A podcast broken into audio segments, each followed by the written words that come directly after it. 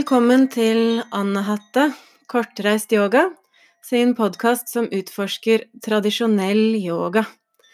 Og med tradisjonell yoga mener jeg ikke bare den praksisen man gjør på yogamatta, men også det vi gjør utafor yogamatta, altså hva er en yogisk livsstil? Jeg heter Silje, og jeg er opptatt av å ha en praktisk tilnærming til yoga som passer i din hverdag og jeg vil i denne podkasten dele min erfaring med det gjennom å snakke om yoga og ha noen enkle yogaøvelser. Tema for dagens podkast er pust. Og mennesket klarer seg tre uker uten mat, tre dager uten drikke, men mindre enn tre minutter uten luft. Og det finnes utallige bøker og blogger om mat, mye om forskjellige typer drikke, men svært lite om pust.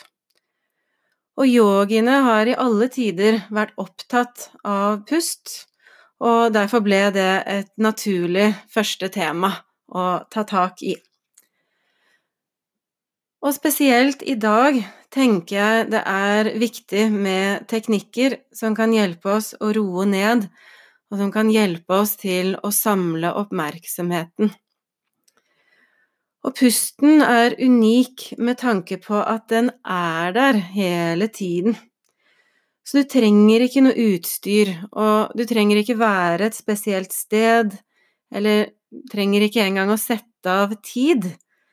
Du kan når som helst vende oppmerksomheten din til pusten.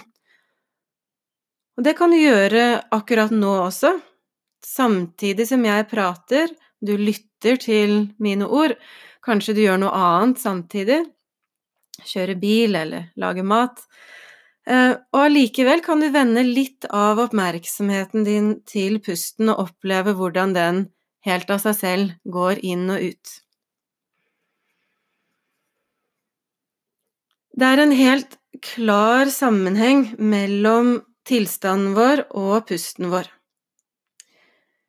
Så når du gråter, er sint, om du har angst eller uro, tenk over hvordan er det du puster da?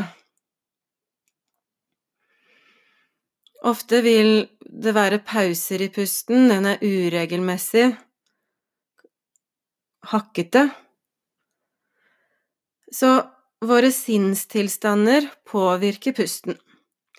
Mens i yoga så snur vi dette slik at vi styrer pusten, og dermed kan frembringe ønsket sinnstilstand. Så vi har egne pusteteknikker som gir energi. Noen virker balanserende, og andre kan roe ned. Men for å starte med det grunnleggende, som er selve basen så har vi to teknikker vi bruker. Det ene er oppmerksomhet på spontan pust, og det andre er dype pust, der du styrer pusten på en bestemt måte. Så om vi nå begynner med spontan pust, så øver vi på å være et vitne til pusten.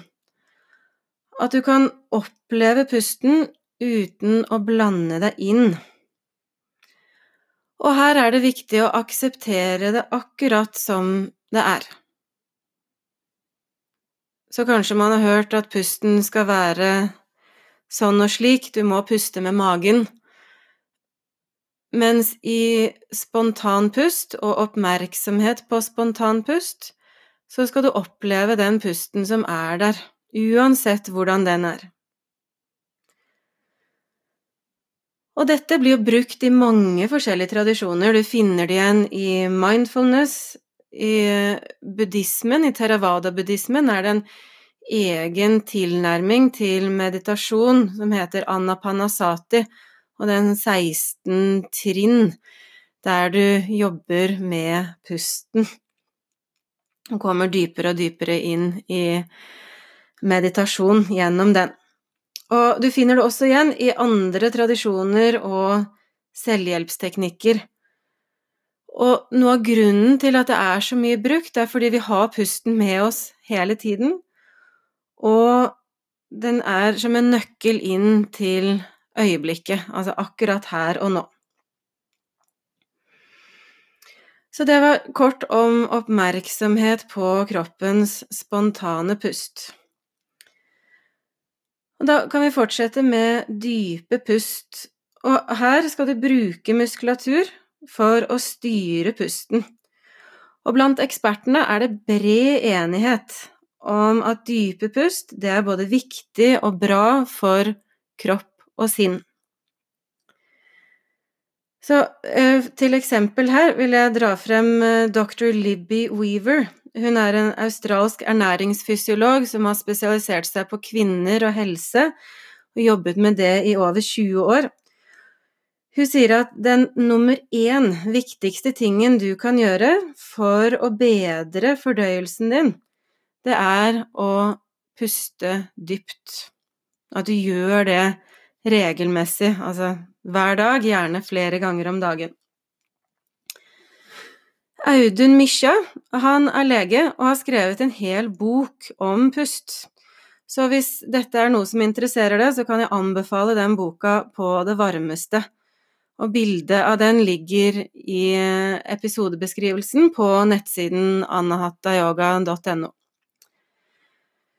Et sitat fra innledningen av boka Pust av Audun Misja er som følger.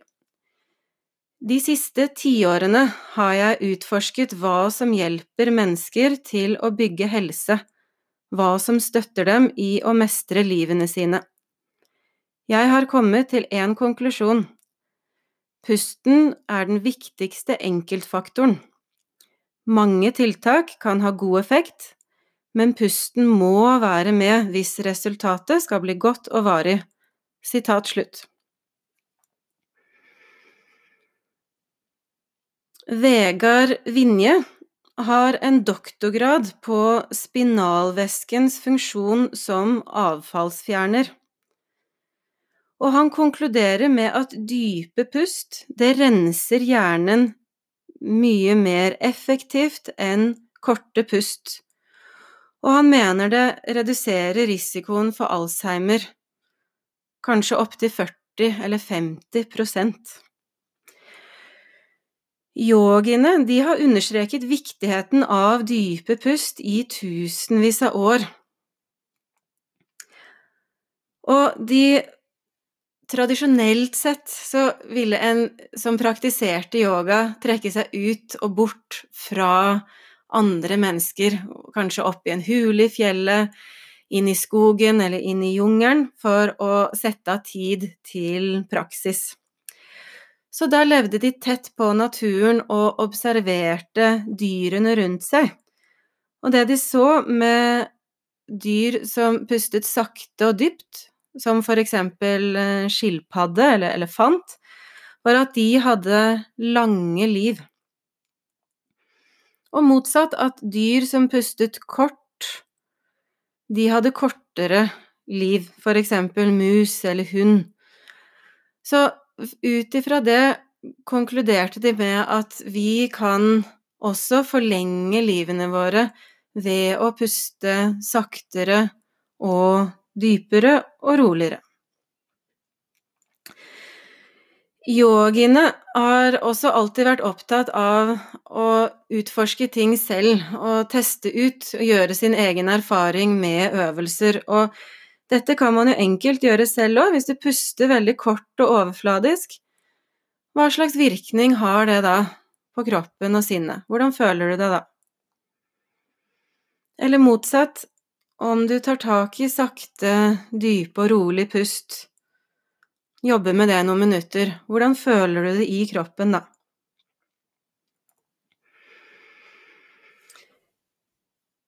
Noe av det som skjer når vi puster sakte og dypt, er jo at vi stimulerer vagusnerven, og det er den viktigste nerven i den parasympatiske delen av nervesystemet.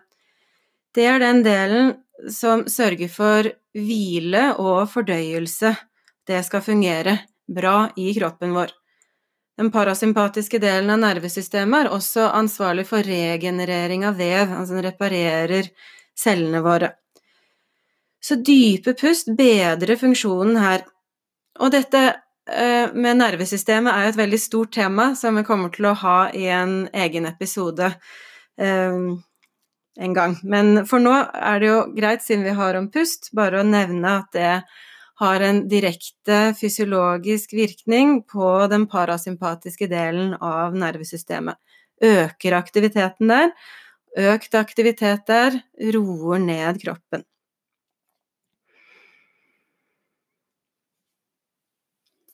Da tenker jeg vi skal fortsette med en praktisk øvelse. Og akkurat denne øvelsen kan du fint ta tak i selv om du lytter til denne podkasten mens du gjør andre ting. Det går helt fint, den krever ikke altfor mye oppmerksomhet, og man går heller ikke veldig dypt inn i en avspent eller meditativ tilstand. Så det vi skal starte med, det er å telle kroppens spontane pust. Og da teller vi på en bestemt måte, sånn at én innpust og én utpust, det er én. Neste innpust og utpust, det er to, og sånn fortsetter du. Jeg sier ifra når du begynner, og jeg sier ifra når du slutter. Og så prøver du så godt du kan å unngå å ta tak i pusten. Så vidt du kan, unngå å styre pusten, men la kroppen puste selv, sånn som den pleier mens du er opptatt med andre ting. Og da kan du begynne å telle nå.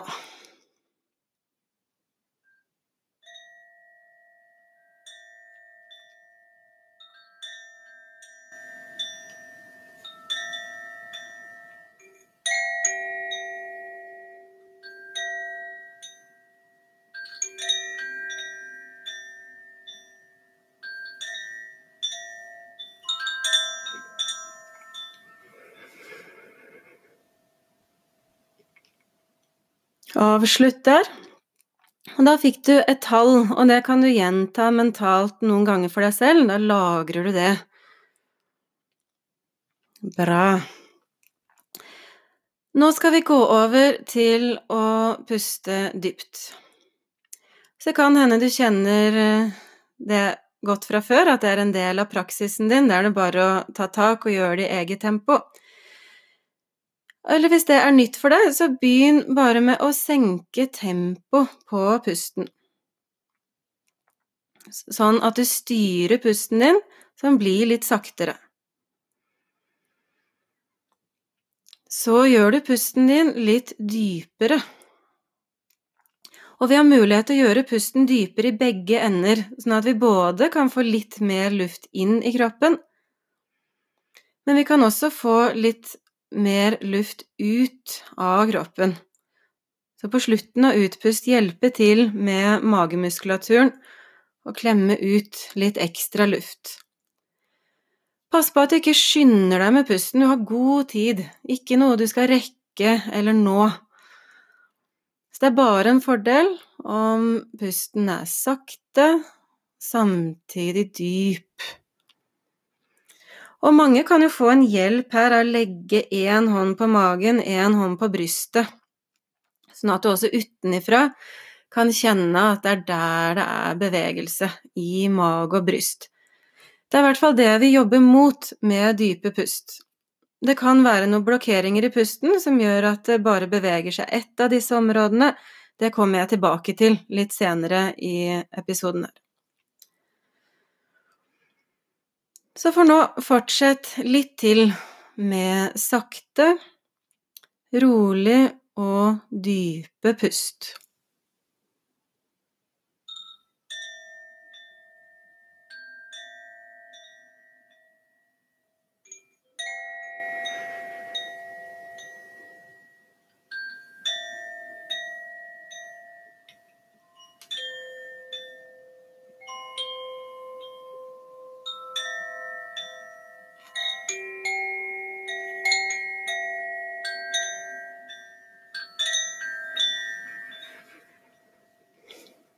Du skal fortsette litt til med dype pust.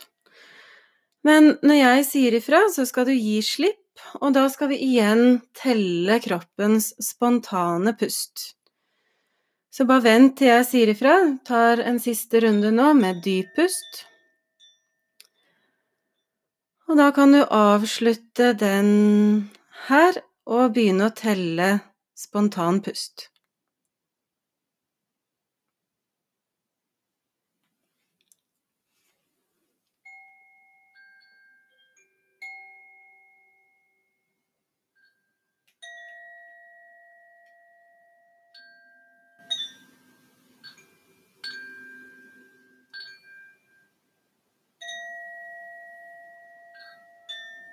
Der kan du runde av, og da fikk du igjen et tall, og det gjentar du et par ganger mentalt for deg selv, så har du lagra det. Det som er interessant å se nå, er om det har forskjell på tallene dine. Når jeg underviser i dette i en yogaklasse, altså i en gruppe, så er det alltid sånn at flertallet av gruppa de har et høyere tall første gang og et lavere tall andre gang de teller den spontane pusten sin. Og nå er det jo ikke helt sikkert det ble resultatet for deg, eh, og jeg har opplevd at det er særlig to ting som kan forstyrre denne øvelsen. Det ene kan være at man føler noe press eller prestasjon, og så blir man mer og mer eh, stressa av at man skal telle pusten, og så blir pusten eh, raskere og raskere av den grunn, og da vil man jo få motsatt effekt. Eller motsatt resultat, da. Eh, det andre som jeg ser også kan påvirke denne øvelsen, er jo at pusten din i utgangspunktet er veldig rolig. Så du vil få det samme lave tallet både før og etter dype pust Kanskje fordi du i utgangspunktet har en veldig rolig og rytmisk pust. Men for flertallet av folk så opplever man gjerne at den spontane pusten er høyere, altså pustefrekvensen er høyere før man gjør dype pust. Jobber man litt med dype pust, og så, når man da teller den spontane pusten rett etterpå, så er den lavere. Så jeg tok tiden et halvt minutt når dere telte spontan pust. Hvis du ganger det tallet du fikk med to, så får du jo din personlige pustefrekvens på ett minutt. Og en normal pustefrekvens per minutt er ca. 15. 15 pust per minutt. Det gir 21 600 pust per døgn. Og i Norge så blir legene litt bekymra om du har en pustefrekvens på over 30. Det er grenseverdien man jobber med her, og man kanskje da velger å sette inn noen tiltak og gjøre noe med det. Mens i India, interessant nok, så er den grenseverdien på 20. Da blir man urolig og ønsker å gjøre noe med det. Så det er uh, forskjellige grenseverdier de jobber med i forskjellige land, kulturer. Jeg syns det er viktig å understreke at det ikke er meningen at du skal gå og være oppmerksom på pusten din hele dagen og puste sakte og dypt fra morgen til kveld, men allikevel å få det inn som en del av hverdagen, det kan jeg oppfordre til. Så en måte å gjøre det på er å sette opp en automatisk påminnelse enten på datamaskinen din, hvis du jobber mye foran skjerm, eller på din smarte telefon. Lage en hyggelig påminnelse, en hyggelig ringelyd, hver time. Og når du hører det, så stopper du opp og tar ti sakte, rolig, dype pust. Det er også en veldig fin start og avslutning på dagen. Så det å jobbe med dype pust i senga med en gang du står opp, eller før du har stått opp til og med, og også som noe av det siste du gjør på kvelden, kan være en veldig fin måte å få inn dette som en daglig praksis på. Eller så kan du velge deg en hverdagsaktivitet, og hver gang du gjør den tingen, da skal du ta noen dype pust. For eksempel før hvert måltid. Det er også en veldig fin ting å gjøre sammen om du bor med andre, selv barn også, at man bestemmer at før vi spiser, skal vi ta tre rolig dype pust. Det kan også være for eksempel hver gang jeg setter meg ned i en stol, så skal jeg ta sju dype pust. Så velg en aktivitet du tenker passer for deg, og velg også antall som passer for deg. For noen kanskje passer med 20 pust, mens for andre så er fem mer enn nok. Så føl at det er overkommelig. Det er viktig. Ok, vi skal gå litt videre til fysiologien. Du kan se for deg lungene som et omvendt tre, altså et tre snudd opp ned, der du har trakea, som er luftrøret, som er, går nedover, og så er det forgreininger utover. Det blir tynnere og tynnere helt til du kommer til alveolene, som er bladene på treet, og det er her gassutvekslingen skjer. skjer. Inngangen for pusten er enten gjennom nese eller munn, så vi har to muligheter. Men fra et yogisk perspektiv så er vi opptatt av at det er nesen som får lov å gjøre jobben med pusting. Og det er flere grunner til det. Det ene er at vi har masse blodårer i nesa, så den varmer opp luften før den kommer inn i kroppen. Vi har også masse hår inni nesa vår, og de kan samle opp partikler som vi ikke ønsker å ha ned i lungene. Lungene våre er veldig følsomme, så det er en måte å rense pusten på før den kommer ned i kroppen. I tillegg så vil pusten automatisk bli litt saktere om du puster gjennom nesa, til sammenligning med om du puster gjennom munn. Så jeg har allerede snakka litt om fordelene ved dype pust, så ved å puste gjennom nesa istedenfor munn, så vil du automatisk gjøre pusten din litt saktere. Men det er klart, er man tett i nesa, så er det jo veldig kjekt at vi også har munnen som vi kan puste gjennom. Men hvis man kan velge nesepust, altså. Man kan oppleve lungene sine i tre deler.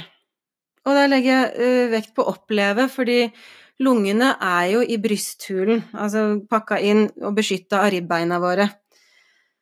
Men når vi puster, så kan vi oppleve det forskjellige steder, og nederste del av lungene kan vi oppleve i magen. Når vi puster inn i nederste del av lungene, så utvider de seg nedover, og da presses alt mageinnholdet ut og ned. Og ca. halvparten av lungenes volum, eller opptil 55% av lungenes volum, ligger her i nederste del av magen. Midtre del av lungene er brystområdet, og ca. 30 eller 35% av lungenes volum ligger her i midtre del og så har vi øverste del av lungene, lungetoppene, og de ligger inni kroppen bak kragebenet. Det er det man kan oppleve som veldig kort og overfladisk stresspust, om man puster der oppe. Så motsatt, hvis vi puster dypt med magen, som det heter, selv om vi strengt tatt ikke puster med magen. Vi puster i nederste del av lungene, og når de utvider seg, så dyttes mageinnholdet ut. Da bruker vi den viktigste pustemuskelen vår, som heter diafragma. Det er en sånn kuppelformet muskel som skiller brysthulen fra bukhulen eller mageområdet. Og den går tvers gjennom kroppen. Når vi puster med magen, kan vi også bruke magemusklene noe. Men diafragma er helt klart den viktigste pustemuskelen vi har når vi skal puste dypt og inn i nederste del av lungene. I midtre del av lungene så bruker vi muskulaturen mellom ribbena, altså interkostalmusklene. Og de hjelper oss å skille ribbena litt fra hverandre, sånn at lungene har mulighet til å utvide seg her i midtre del. Mens i lungetoppene så bruker vi muskulatur i skulder og nakke. Så det er jo noe av grunnen til at om man har mye stress, så kan det feste seg som spenninger i skulder og nakke. De musklene hjelper oss altså å puste inn i lungetoppene, og fra naturens side er det noe vi strengt tatt bare skal bruke i ekstreme situasjoner. Løper du maraton eller du får en annen stressreaksjon som det er nødvendig for kroppen din å jobbe på høygir og prestere maksimalt, da er det jo veldig fint å kunne få ekstra luft inn i lungene også for å få ekstra oksygen til muskulaturen din. Men til vanlig så ønsker vi å bruke nederste del av lungene og midtre del av lungene. Det er det som er forbundet med hvile og med ro. I hvile puster vi inn og ut ca. en halv liter luft. Du kan se for deg en halvlitersflaske med brus. Da får du et bilde av det volumet luft som går inn og ut i hvile. Men lungene våre er kjempefleksible, så du kan gange dette med ca. 10 for å få maksvolum av lungene. Da kommer vi opp i ca. 5 liter. Og her er det eh, individuelle forskjeller. Du kan se for deg en mann på 1,90, bredskuldre. Eh, han kan kanskje komme opp i 5,5, nesten 6 liter luft. Og motsatt, en liten nett eh, dame, kanskje ned i 4,5 liter luft, som maksvolum, men sånn cirka rundt fem eh, liter luft har vi mulighet til å puste inn og ut per pust, altså.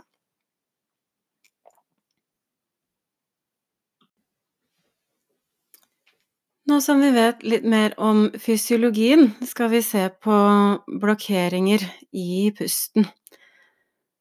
Og da vil jeg først si at det er veldig vanlig, og det er veldig vanlig, mye på grunn av stress. Man kan oppleve pusten som overfladisk, hakkete, eller at den stopper opp.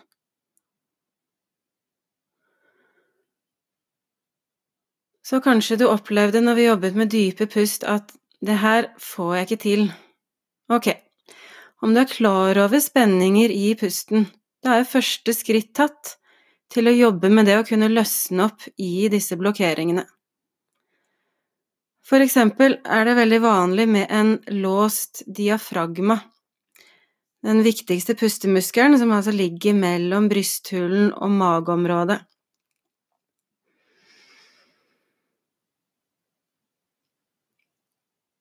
Da kan man møte dette med en aksept og med tålmodighet, altså at du gir det tid, og ikke forventer en sånn quick fix på det.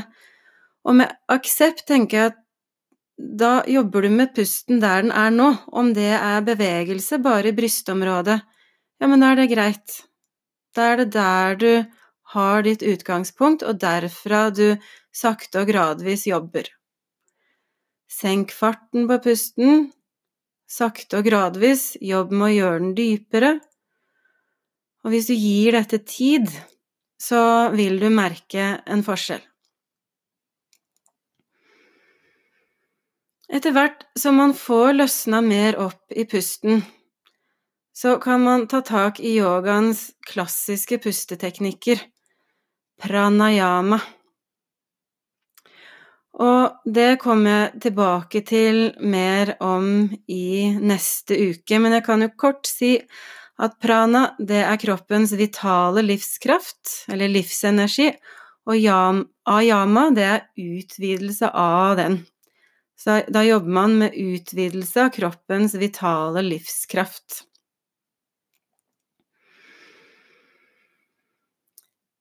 Så jeg vil runde av med å gi noen tips til hverdagen.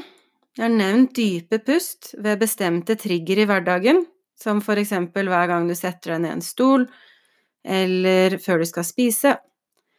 Har du barn i familien, kan du leke med dette, Og en favoritt hos uh, yngstemann hos meg er å hente kosedyret sitt, det hun liker aller best.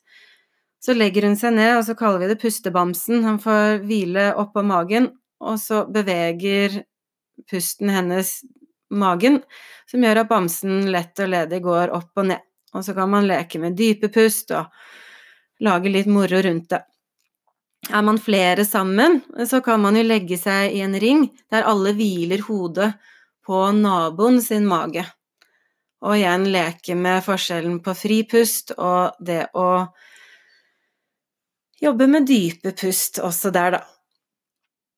Jeg kan også anbefale å lytte til Eckhart Tolle. Det ligger masse gratis ute på YouTube, og jeg legger ved en sånn treminutters snutt der han snakker om pusten Eh, på nettsiden for denne siden. Du trenger ikke å gjøre alle disse tingene. Velg én, så er det bra. Pusten vår er altså en nøkkel inn til her og nå. Ved å være oppmerksom pusten kan vi bli mer til stede, få økt nærvær. Så du trenger ikke å tenke på hvordan du skal puste, eller hvordan du pusta i stad. Du opplever pusten her og nå.